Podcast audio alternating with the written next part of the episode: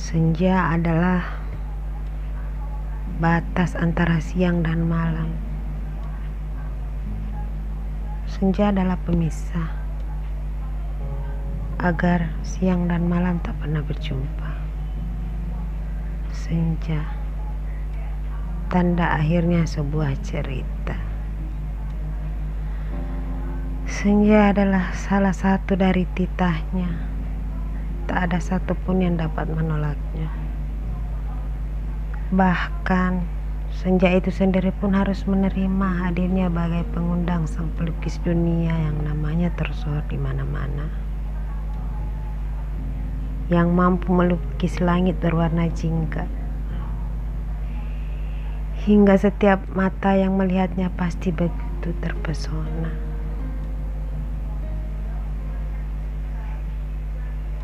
Jika harus memilih fajar atau senja, tentu akan memilih fajar.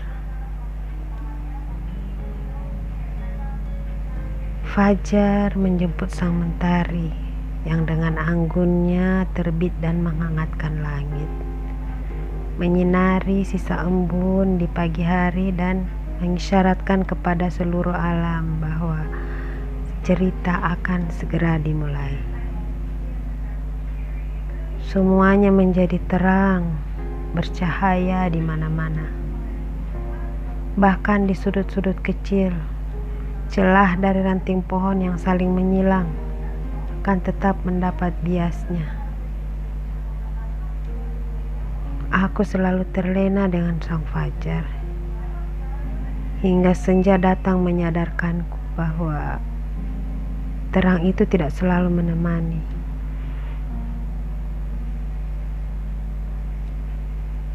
Kau adalah langitku, langit yang selalu meneduhkan, menemani kapan pun dan di mana pun aku berada. Langit biruku yang selalu bisa menenangkan nurani. Namun hari tidak selamanya siang. Aku terlalu nyaman selama ini, hingga lupa jika malam akan datang dan sang senja yang menjadi penandanya.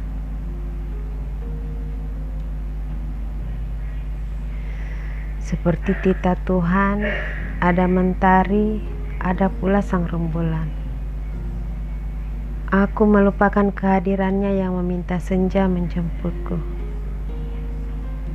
Ya, aku harus menenggelamkan diri agar rembulan dapat memikat langit menunjukkan cahayanya dan cantiknya yang selalu diiringi kelip bintang di angkasa.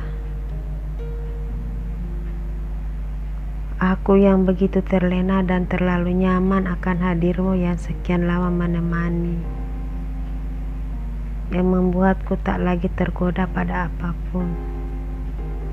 Nyatanya, aku terlalu dangkal untuk mengerti bahwa banyak pula yang menggodamu, menginginkanmu, dan kamu peduli itu. Saat itulah kamu memilih pergi, seperti langit yang memilih rembulan daripada sang mentari.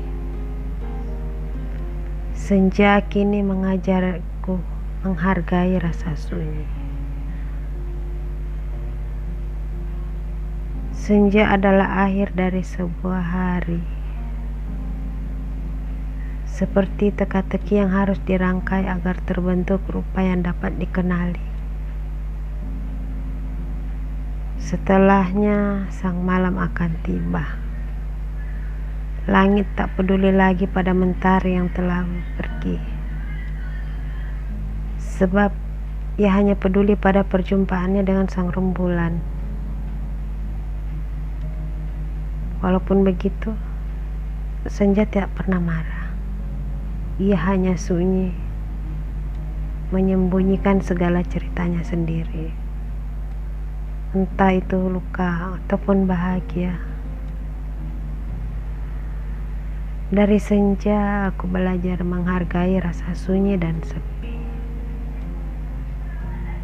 Terkadang Tuhan membuat apa yang begitu kita sayangi pergi Bukan karena Tuhan tidak peduli. Tuhan bahkan menunjukkan kepeduliannya melebihi diri kita sendiri. Seperti saat ini, Tuhan menghadiahkan sendiri untukku memberikan rasa sunyi agar aku dapat menjenguk diriku sendiri, agar aku peduli dengan diriku sendiri. Mungkin selama ini aku tak sadar bahwa aku telah mengacuhkan diri sendiri, sibuk membahagiakan orang lain, sibuk mengkhawatirkan orang lain. Ya, kamu. Dan sekarang aku berhenti menyibukkan diri untukmu. Aku hanya akan peduli dengan diriku sendiri.